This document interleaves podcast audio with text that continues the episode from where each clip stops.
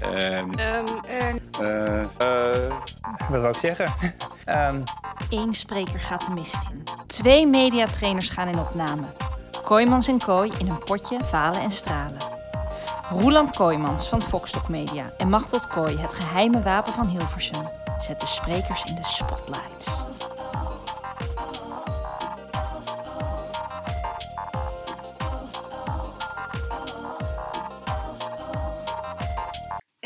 Aflevering nummer 11. We waren er vorig weekend niet. Ehm, maar ja, juist als je een podcast maakt over falen en stralen, is het ook prachtig als je zelf eens gaat falen. Ja. En wat hebben wij gedaan? We hebben een podcast opgenomen over de verkiezingsstrijd.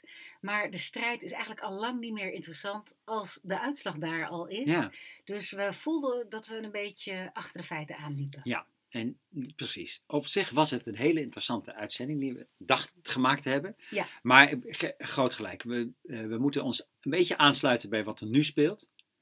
En, eh, maar we, we blijven wel eh, over de, de politiek Ja. spreken, toch? Zeker, want we gaan het dit keer hebben over adequaat reageren. Maar waarop adequaat reageren? Ehm, we hebben nu als casus iets heel anders dan anders. Luister eens hier naar. Laat me niet alleen. Laat me niet alleen. Want ik meen het echt, ik ben het vergeten. Ik zou niet meer weten wat ik heb gezegd. En die functie elders, dat is echt niet waar. Dat zijn de verzinsels van een ambtenaar. Heb nog empathie, ik heb last van, eh, eh, hoe heet dat nou? Oh ja, amnesie. Laat me niet alleen, laat me niet alleen, laat me niet alleen, laat me niet alleen. Zie mij hier toch staan, kijk me in de ogen. Ik heb nooit gelogen en niks fout gedaan. Want ik lieg toch nooit, of ja, een paar keer. En als dat zo is, weet ik dat niet meer. Ik zweer hier mocht het ooit nog een keer gebeuren. Dan krijgt iedereen van mij duizend euro. Laat me niet alleen, laat me niet alleen, laat me niet alleen, laat me niet alleen.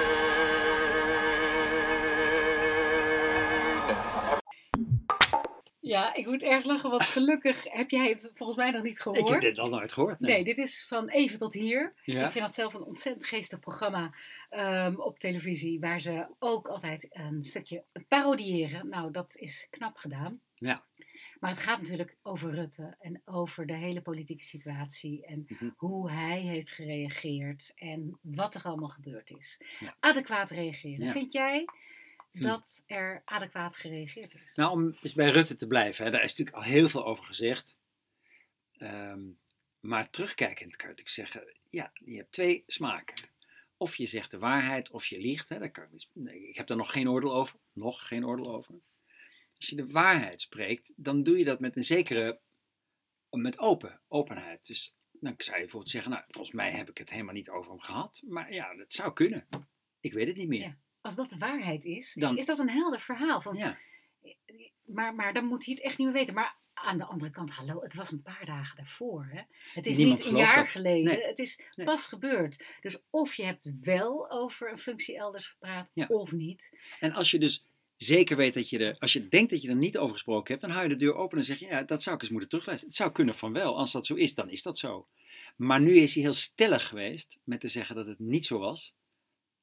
En dat kan dus ja, niet en dat hij voorkomen er uit. geen herinnering Nee, aan heeft. nee. En die formulering, dat vind ik eerlijk gezegd haast een vieze formulering. Ja, Nee, dat is, Want is ik een heb beetje er smerig. geen bijna. herinnering aan. Ja. Hij heeft wel heel vaak geen herinnering Ja. aan dingen.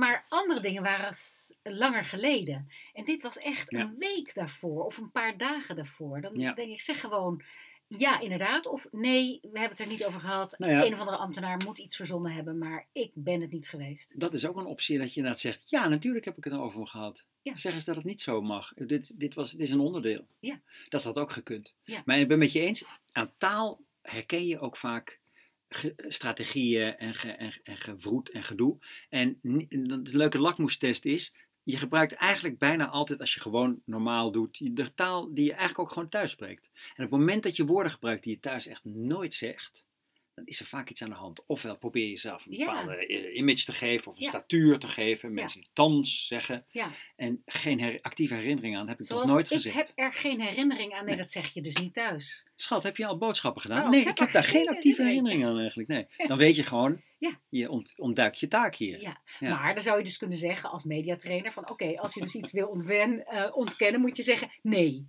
of ja. Gewoon in de huis- en keuken Gewoon, duidelijkheid. En als je het niet weet, zeg je, ik weet het eigenlijk helemaal niet meer. Ja. Ik weet het niet. Maar ik heb er geen actieve herinnering aan. Verraad eigenlijk de leugenaar. Nou, oké. Dus jij hebt nu gezegd, uh, Niet Rutte is een eh, leugenaar. Ja. Eh, waar ik heel benieuwd naar ben, er is een fragment wat ik laatst hoorde, eh, wa- waarin hij zegt het woord knetterend. En als er nou een, een woord is wat ik wel huistuin- en keukenachtig vind, dan vind ik dat, dat knetterende. Wat vind jij van dit fragment van Rutte? Mevrouw de voorzitter, ik wil hier eerst eh, iets zeggen over mijn uitspraken in de media. Eh, als eerste de uitspraak vorige week donderdag dat er geen debat zou komen. Die uitspraak had ik niet moeten doen. Op dat moment in mijn hoofd knetterde het staatsrechtelijk. Hoe moet je een debat doen met twee afgetreden verkenners? En ook de gedachte om dat debat te voeren met de minister van Zaken, die vanwege een hele andere verantwoordelijkheid daar naar mijn gevoel niet bij zou horen, vond ik uiterst ingewikkeld. Maar het was een onverstandige uitspraak, omdat daarmee het beeld ontstond eh, dat ik het niet nodig vond daar hierover te discussiëren. Ik ben daar terecht, zeer terecht, voor gekapiteld eh, in de media. Dus die uitspraak had ik niet moeten doen. Daarvoor excuus. En als tweede heb ik in diezelfde interviews gezegd dat ik in mijn gesprek met de verkenners niet over Pieter Omtzigt eh, heb eh, gesproken. Uit het verslag van mijn gesprek blijkt dat het wel over Pieter Omtzigt is gegaan. En dat roept terecht veel vragen over. Maar ik kan u dit zeggen. Ik heb naar eer en geweten de pers te woord gestaan. Over wat ik dacht wel en niet te hebben gezegd in dat gesprek bij de verkenners. Ik heb me dat achteraf verkeerd herinnerd. Ik betreur dat ten zeerste. Dat is leuk dat je die erbij hebt. Dus in het ene stuk heeft hij het over knetteren. Ja. Dat is echt, dat is gewoon, dat is persoonlijke taal. Ja. Oh, Knetteren. Maar ik vind het ook heel mooi herkenbaar, want dat gebeurt er ook als Ja, je wordt overvallen door de pers of als je opeens een interview moet geven. Ja. eh, dan gaat het in je hoofd knetteren. Want je bent heel erg bezig met, "Ah, wat moet ik zeggen, moet ik dit zeggen, moet ik dat zeggen. Het knettert. Dat vond ik erg mooi. Precies, en als je dat afzet tussen ik heb me dat verkeerd herinnerd, dan is dat laatste opeens een beetje, beetje gekke, merkwaardige formulering. Maar wat vind je van zijn stijl? Want hij zegt het met zo'n aplomp, Ja. om maar eens een gewoon woord te gebruiken voor mij. Maar ja, alsof hij zichzelf een duwtje geeft. Zo helder zegt hij dat. En zo krachtig, dat je hem daarom weer haast gaat geloven. Ja, maar daar heeft hij, hij heeft natuurlijk wel even over nagedacht over dit Ja. verhaal. En eh, hij, hij is natuurlijk heel goed, hij kan zichzelf heel goed corrigeren. Dat, en da- daardoor overleeft hij ook, omdat hij dat voortdurend bijstuurt. En dat is natuurlijk heel intelligent en knap. Maar het interessante is dat je jezelf ongewild toch kan verraden door je optreden. En uiteindelijk voel je als luisteraar of er wel of niet iets aan de hand is. Maar knetteren, dat vind ik oké klinken. Dan denk ik, ja, daar wil ik best meegaan. Maar verkeerd herinneren vind ik geconstrueerd. Ja. En dat, Ja. daar ga ik niet echt makkelijk in mee. Uiteindelijk komt hij er misschien mee weg. Ja. Maar er blijft iets hangen bij ons. Wel zou ik, als ik mediatraining zou geven aan iemand die zegt van oké, hoe moet ik reageren op de pers? Ik zou altijd zeggen, wees eerlijk. Dus eh, vertel hoe het echt zit. Mhm. Maar ehm, ik vind het aplomb, de kracht waarmee hij zegt wat hij zegt, vind ik wel heel knap. Want Mhm. dat, ja, dat, dat is wel hoe het zou moeten. Als je dan een strategie gekozen hebt, ga er dan maar voor. Ja, Ik wil met hem zo meteen een vergelijking maken met een koninklijke persoon. oh. Een prins. Oh, Maar, maar eerst nog even bij de Nederlandse politiek blijven. Want jij hebt ook een voorbeeld Ja. meegenomen van de Nederlandse politiek. je weet natuurlijk van mij niet- dat ik, dat ik eh, laat zo zeggen, ik let heel erg op de relatie tussen taal en persoon. En daar waar ik denk, deze taal staat dichter bij je, of die taal staat ver van je, dat is voor mij een indicatie over de, over, over de informatie zelf, of ik die moet geloven of niet. En ik ben geneigd dus, hè, dat heb je mij wel gezien, dat is ook misschien mijn stokpaardje, dat die gewone taal, die, die, op, die uit, aan je ontsnapt, gewoon omdat je het zegt, dat is vaak de taal die erg te maken heeft met wat echt zo is. En die geconstrueerde taal, daar zit niet altijd, maar er zit vaak wat achter. En ik heb hier een stukje van uh, Kajsa uh, Ollongren, waarin ze begint eigenlijk aan heel betoog over waarom ze gedaan heeft wat ze gedaan heeft, met die paparazzen onder de arm, waar, waar, waar ook die tekst gefotografeerd is. En het eerste stuk komen we bij haar excuus dat ze het heeft over wat er met haar aan de hand was op dat moment. Oprecht. Oprecht aan de hand was. En dan op een gegeven moment gaat ze over tot de orde van de dag en dan gaat ze over op een wat meer officiële toon. Dus kijken of je in dit fragment, wat een minuut en uh, eh, 15 seconden duurt, of je voelt wanneer er iets verandert. Um, en nog voor we goed en wel eigenlijk waren gestart met de inhoudelijke bespreking, ging mijn telefoon. En kreeg ik de uitslag van een coronatest die ik preventief had laten doen. Um, en geheel onverwacht was die positief. En ik zal eerlijk zeggen dat ik daar heel erg van schrok. En dat heeft ook te maken met mijn eigen gezondheidsgeschiedenis en met twee chronische auto-immuunziekten die ik heb. We hebben toen het vooroverleg meteen afgebroken. En ik ben op grote afstand gaan zitten met een mondkapje op. En we hebben eh, telefonisch advies gevraagd hoe te handelen. Daar kwam uit dat we de gesprekken zouden cancelen en dat ik zo snel mogelijk het Binnenhof zou verlaten. Ik heb toen in de emotie van het moment uh, veel te snel gereageerd. Ik heb eigenlijk letterlijk mijn spullen bij elkaar gegist en ik ben gegaan. En ik had natuurlijk niet zo overhaast moeten handelen. Uh, ik, ik, hoorde een enkeling daar mild over oordelen, maar ik oordeel daar zelf niet mild over.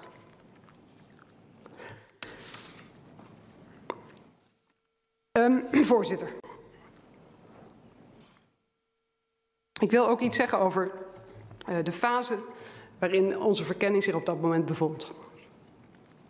Dus terug naar het stuk, het gefotografeerde stuk, wat deel uitmaakte van de voor die dag voorbereide aantekeningen. Die uh, aantekeningen die zagen eigenlijk op uh, proces en op in, inhoud en binnen de context zoals ik die net heb geschetst.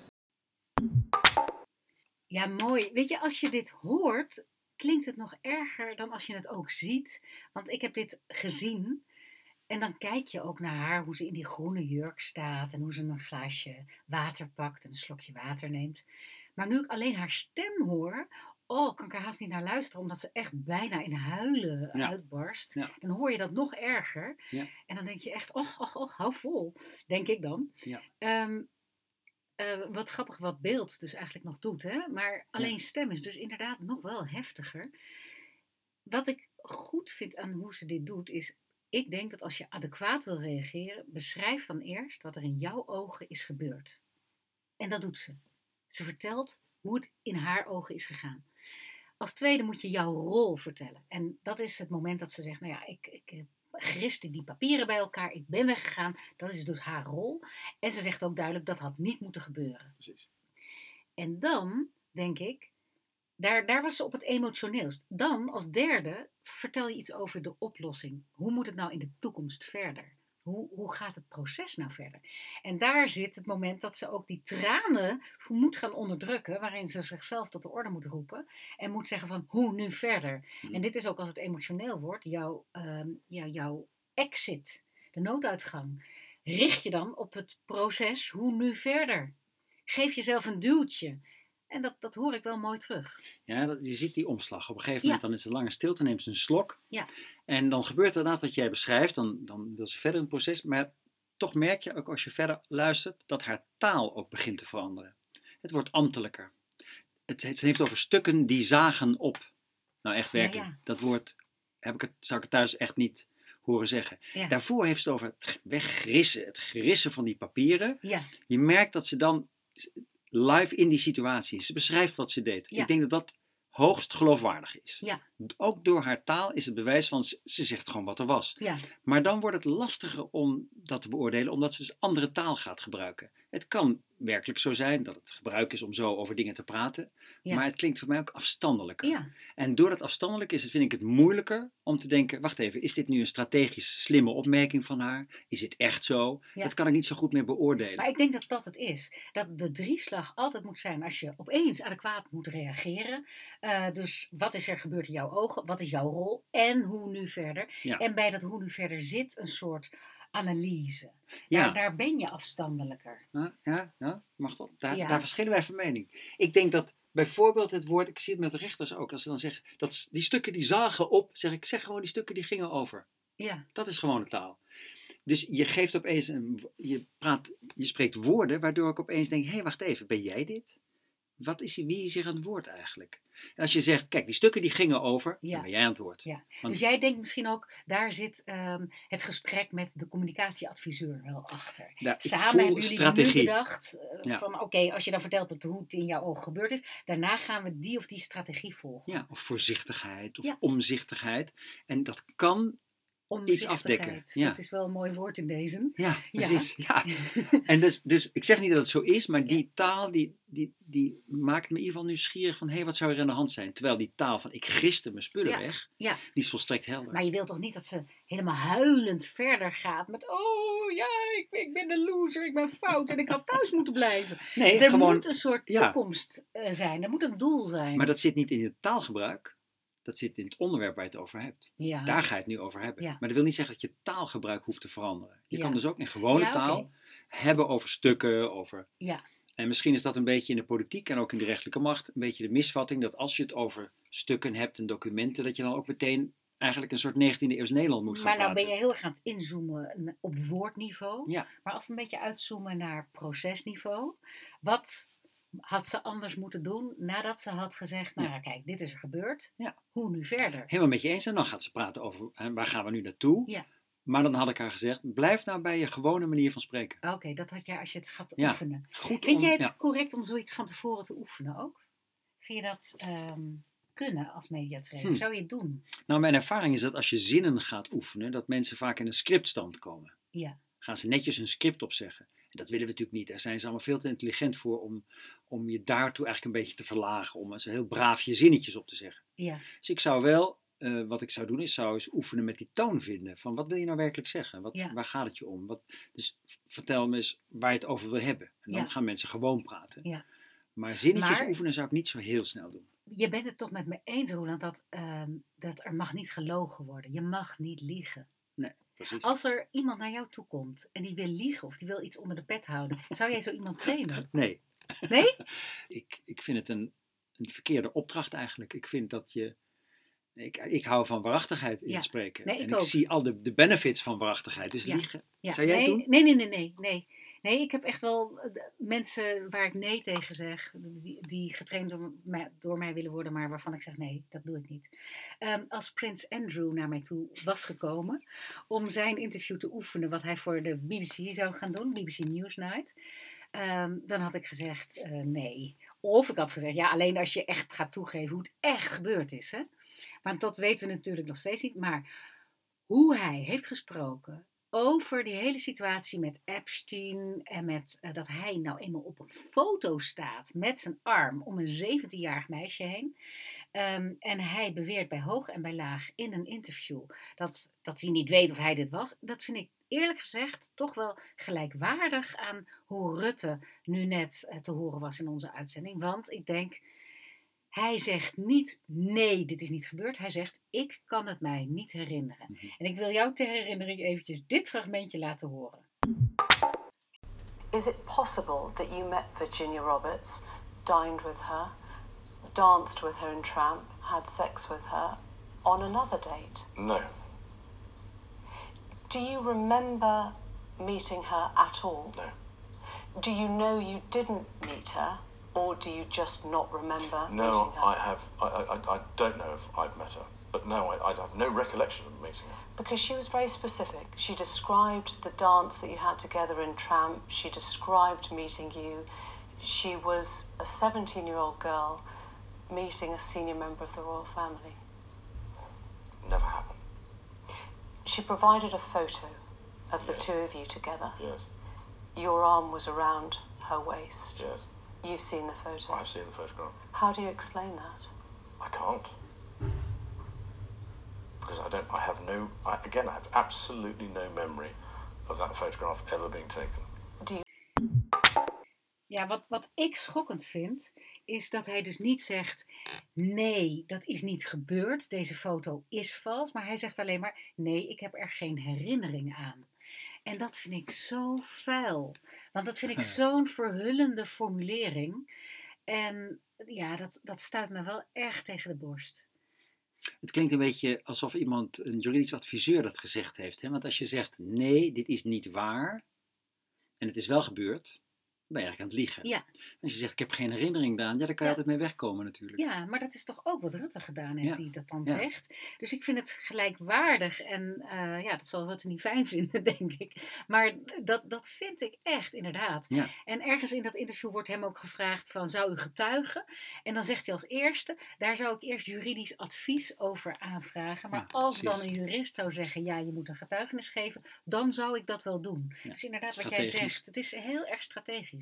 Wat je eigenlijk verwacht bij iemand die zegt, ik kan me dat gewoon niet herinneren, is een verklaring daarvoor. Bijvoorbeeld, hij kan zeggen, weet je, ik kan me dat niet herinneren, maar bedenk eens even, ik ontmoet ongeveer 100 mensen per dag. Ik word elke dag door mensen aangesproken. Elke dag, ook in het weekend.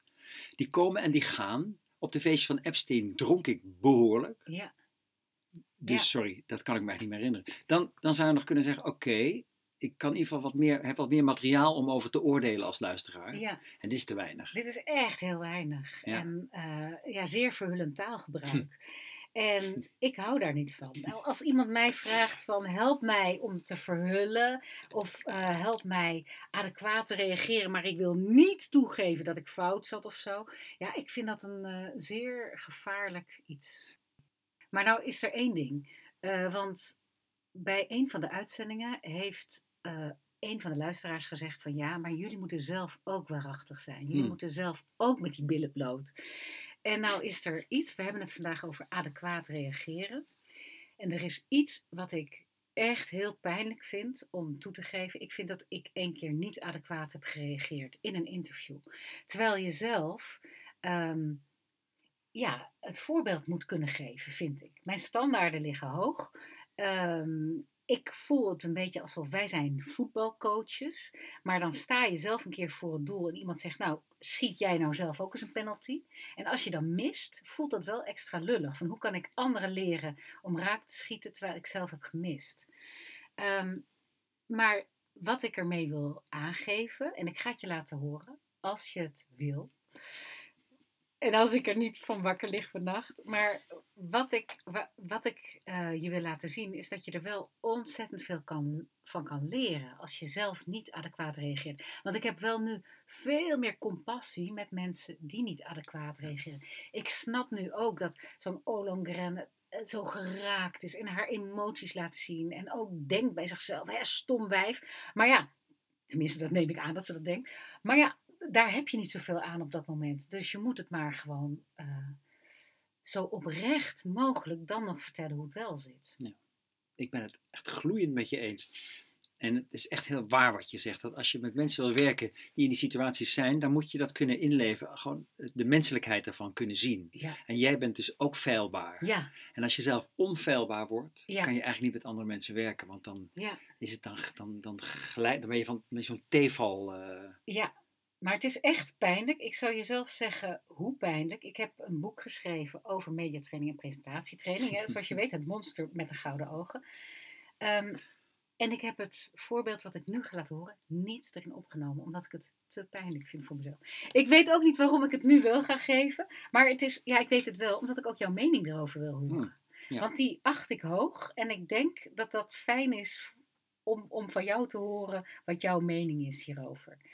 En dat al Ehm, onze luisteraars dat ook horen. Dus dat je een soort publiekelijke catharsis, reiniging kan ondergaan. Ja, en dan hoop ik dat luisteraars mij persoonlijk gaan DM'en van eh Machtel, het was oké. Het was een overval van Rutger Kastrikum. Ja, tijdens een mediatraining die ik gaf hier verderop op het Mediapark. bij een instituut. Dus niet bij mij thuis of niet in mijn trainingstheater in Utrecht. Maar op een echt instituut. Waar ik een, ehm, ja, een eh, lijsttrekker van een van de politieke partijen aan het trainen was. En tijdens de training werd ik overvallen. Ehm, ik heb het zo geknipt dat je niet hoort welke lijsttrekker het is. Maar ik heb eh, het moment laten horen dat de camera naar mij toe zwenkte. En um, Rutger mij een vraag stelde. En waarvan ik dus vind dat ik het echt niet goed doe. Hier komt hij. Mag dat ja? Want hier zit de coach geloof ik. Hè? U bent de trainer. U bent dan de mediatrainer of niet? Uh, ga lekker staan. Mag die staan ja? Ja, natuurlijk. Of wat is dan beter eigenlijk? Zitten of staan? Nou, staan en vooral rechtop. Maar doet hij dit nou goed? Ja, dat vind ik wel heel erg goed. Wat is er goed dan? Nou, het is kort en uh, hij geeft jou ook wel uh, jouw punt, wat je heel graag wil hebben. Van, uh, nou ja, oké. Okay. Wat, wat, voor punt? Nou, het punt van, ik ben hier nou eenmaal. ehm, dus hij geeft dat toe. Ik bedoel, hij gaat niet zeggen van, nee hoor, ik, ik, kom hier iets totaal anders doen. Hij geeft gewoon toe wat hij aan het doen is. Wat is dan het punt? Wat, waar gaat u dan over spreken? Wat is, waar valt nog aan te sleutelen? Mijn werk altijd ja, zo. Kom op, u heeft zich voorbereid. Uh, nou, ik heb me niet op dit interview voorbereid. Kijk, ik vind het heel wel. U weet, u weet... over andere mensen te gaan praten. Dat is mijn werk niet. En mijn werk is niet praten over andere mensen. Uw werk is wel om te reageren als er een camera bij staat. En dat moet u dan dus nu doen. Ja. Laat zien wat u waard bent. Uh, ja, zeker. Maar um, ik heb echt nog nooit geroddeld over mijn werk. Maar hij staat erbij. Nou, weet je wat ik zo erg vind, Roland? Um, dat ik in de aardige modus ga in de lachende modus. Uh, want als je dit hoort, ik weet niet of je dat dan ook zo'n beeld voor je hebt, maar ik sta daar echt als een meisje te lachen. En dat irriteert me het allermeeste mm. nog, dat ik uh, niet mezelf tot de orde heb geroepen. Het is gelukkig jaren geleden, dus ik weet nu, ik zou mezelf veel meer een oppepper geven meteen van, pas op, huppakee, ga ervoor. In de, in de wat bozere modus. Oh. Want ik ben zo aan het lachen en ja. pleasend aan het kijken naar hem. Als een meisje. Nou, dat irriteert me mateloos. Plus, ik... Kijk, het eerste ging nog wel. Dat ik uh, deze lijsttrekker een compliment gaf. Van hij ging meteen staan en zo. Dat is oké. Okay. Maar daarna gaat hij me dus pakken op. Wat vind je dan van hem? Waar wil je aan werken met hem? En dat is natuurlijk heel gevaarlijk terrein. Want ik wil niet gaan vertellen hoe ik mij precies heb voorbereid. En nee. wat ik allemaal vind. Nee, terecht. Maar wat ga ik dan doen, potverdorie? Ik ga zeggen dat ik niet roddel over andere mensen. Ja, alleen dat woord al, dat ik dat op zo'n moment in mijn mond neem, dat is natuurlijk belachelijk. En ook nu ik terugdenk, denk ik wel van, het is ook zo dat, je, ik heb hier ook heel veel van geleerd over interviewen. Kijk, het grappige is wel, sindsdien heb ik een roze plopkap in mijn bezit. En doe ik zelf ook de overval bij, mensen waar ik ze echt pak op die woorden die je op dat moment zegt. Dus ik heb er heel veel van geleerd. Zowel van ga zelf in een steviger rol, maar ook. Uh, je mag wel je deelnemers, je cursisten overvallen. Ik ben niet zo'n trainer die ze van tevoren al overvalt. Weet je wel, bij het parkeren, dat ze al meteen die draaiende camera hebben. Maar wel op een gegeven moment als ze naar de wc zijn gegaan en we hebben al een end getraind. Dan wel. Omdat ik vind dat het wel nuttig is om te leren, hoe moet jij dan adequaat reageren? Ja, precies. En nou, nou nog even terug naar jouw reactie. Hè? Ja. Jij hebt het beeld erbij, ik zie het niet. Jij, jij weet nog hoe het eruit zag. Ik doe het met jouw stem. En ik hoor dat je een beetje in verlegenheid gebracht wordt. Ja. En dat is op zich, vind ik dat heel menselijk. En de lach interpreteer ik als van, uh, ja, je hebt me even te pakken, maar ja, ik kan niet zoveel anders nu. En dat vind ik ook heel begrijpelijk. Het is een hele menselijke reactie. Misschien wel de meest naakte reactie die er is. Van, oh jee, ja, ja, ik moet een beetje lachen. Ik kan het niet eigenlijk beantwoorden dit. Ja, ik zit een beetje klem. Dat is heel eerlijk. En ik vind dat die eerlijkheid wel heel veel doet. Je hoeft ook niet perfect te zijn uh, op tv. Ook niet in de ogen van Rutger Kastring hoef je niet perfect te zijn. Nee, maar hij heeft wel een punt als hij zegt... Nou, laat het eens zien dan. U weet hoe het moet. Dus toon dat maar. En jezelf naakt laten zien is wel het laatste wat je op zo'n moment wil. Hmm. Dus ik wilde dat absoluut. Ik vind het heel lief dat je dat zegt. Van ja, het is niet zo erg. Maar ik vind nu... Ja, wat had je wel moeten doen? Dat ik, ja, inderdaad. Dat ik een heel duidelijk drieslag. Ten eerste, Geef de situatie hoe die is in jouw ogen. Dus ik had moeten zeggen, Rutger Kastricum, jij komt met draaiende camera een instituut binnen waar je niet bent uitgenodigd. Ehm, dat is nogal jezelf toegang, jezelf toegang verschaffen tot een feestje waar je ongevraagd bent. Dat is nogal wat. Eh, ten tweede, ik zie dat die cursist jou meteen netjes te woord staat. Dus ik zie dat dat heel goed gaat. En ten derde, eh, wat ik van zijn optreden vind, gaat jou helemaal niks aan. Dat ga ik zelf met die cursist bespreken.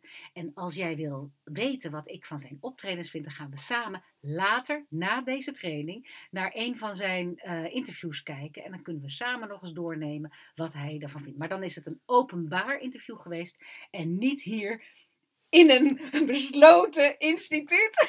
en ik zie jou helemaal Ja, nee, luister. eh, op dit moment is, ma is Machteld dat heel fel aan mij. Ik, eh, Als je er zou zien, dan zou je denken: oh jee. Oh jee, wat is er nou aan de hand? Ja, dit nee, is de herkansing. dit is heel louterend. Je bent heel overtuigend. Maar ik wil het toch voor de wat lacherige Machteld opnemen. Um, want ik heb ook altijd geleerd, en dat ken je natuurlijk ook. Als je boos wordt in beeld, kijker ziet de context niet helemaal. Krijgt misschien de hele context helemaal niet te zien, maar ziet je boos doen. En de vraag is of dat helemaal begrepen wordt. Ja, maar ik geef mijn cursisten vaak als opdracht: doe eens boos. En dan komt het vaak krachtig mm, over en niet boos over. Dus ik hoop dat ik dan, ja, nu zie je de felle ogen, maar ik hoop dat ik dan krachtig was overgekomen.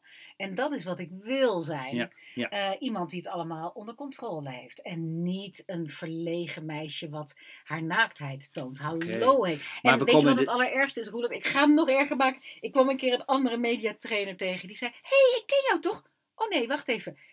Jij bent van dat fragment wat ik altijd aan mijn cursisten laat zien. en het zal wel niet over mij gegaan zijn. Het zal over die lijst, lijsttrekker gegaan zijn. Maar, maar nog laatste ook op. Dat is dat uh, bij alles wat jij beoordeelt van jezelf, spelen allerlei dingen mee. Voilà. Allerlei gedachten in jouzelf, die ik niet over jou heb. Dus jij ziet jezelf wat meisjesachtig reageren. En ik weet niet of dat bij jou iets triggert in jezelf. Dat je denkt, oh nee, niet weer. Oh, daar gaat ze weer. Oh, al dat soort gedachten kunnen wij over onszelf hebben. Ik heb die niet over jou. Dus als ik dit hoor, hoor ik misschien maar een kwart van de narigheid die jij hoort. Ah. Dus dat is, vind ik altijd weer een troost voor veel luisteraars. Dat ik uh, uh, zeg, wat jij zelf waarneemt van jezelf die storm woedt van binnen altijd harder dan van buiten. Dat is wel waar, want dus ik we zijn zeg streng ook vaak tegen mijn cursisten die zichzelf volkomen afbranden. Kijk nou toch eens wat ik met mijn wenkbrauwen doe. Kijk nou toch eens hoe stom ik doe. Ik zeg steeds eh. Dat dan zeg ik van, ik zie het niet en ik hoor het niet. Ik zie niks raars aan je wenkbrauwen en die us, ik hoor ze niet eens, want ik let op wat je daartussendoor zegt. Precies, dus dat, dat speelt ook altijd een rol. Gelukkig. Maar oh, goed, dit is lekker zeg. Ja, dit is goed hè, fijn hè. Nee, maar het is leuk dat je in ieder geval zelf naar iets terugluistert van jezelf en daar een les uittrekt. Ja. En hoe die ook luidt, dat is op zich natuurlijk goed. Als je andere mensen vindt dat andere mensen dat ook moeten doen, moet jij dat als trainer eigenlijk ook kunnen. Nou, dus dat is goed. Dus het lekkere van een mediatraining is ook een ander kijkt eens naar je en geeft een oordeel wat misschien veel zachter is dan jouw eigen harde oordeel. Dat is al lekker. En wat vind je van de drieslag om nu aan de luisteraar mee te geven van beschrijf de situatie in jouw ogen, beschrijf jouw rol en geef een handreiking naar de toekomst. Is dat een lekkere drieslag? Ja, daar kan je wat mee. Zeker die handreiking bedoel in de zin van en dan en wat nu. Ja, en ik hoor jou dus ook zeggen, maar dat moet dan niet zoveel zijn uh, zoals ik samen met de communicatietrainer heb bedacht. Nee, doe dat op eenzelfde eerlijke manier. Ja, niet een politieke toekomst, maar een uh, oprechte. Ja, en dat is denk ik, denk ik, wat ik als tip altijd zou meegeven is, probeer alles wat je zegt gewoon te zeggen. Gewoon op de je meest gewone manier. En als het dan feestelijk moet zijn of krachtig, doe dat met andere dingen. Doe dat met je stem of met de rust die je hebt. Maar gebruik je eigen taal. Dat werkt altijd het beste.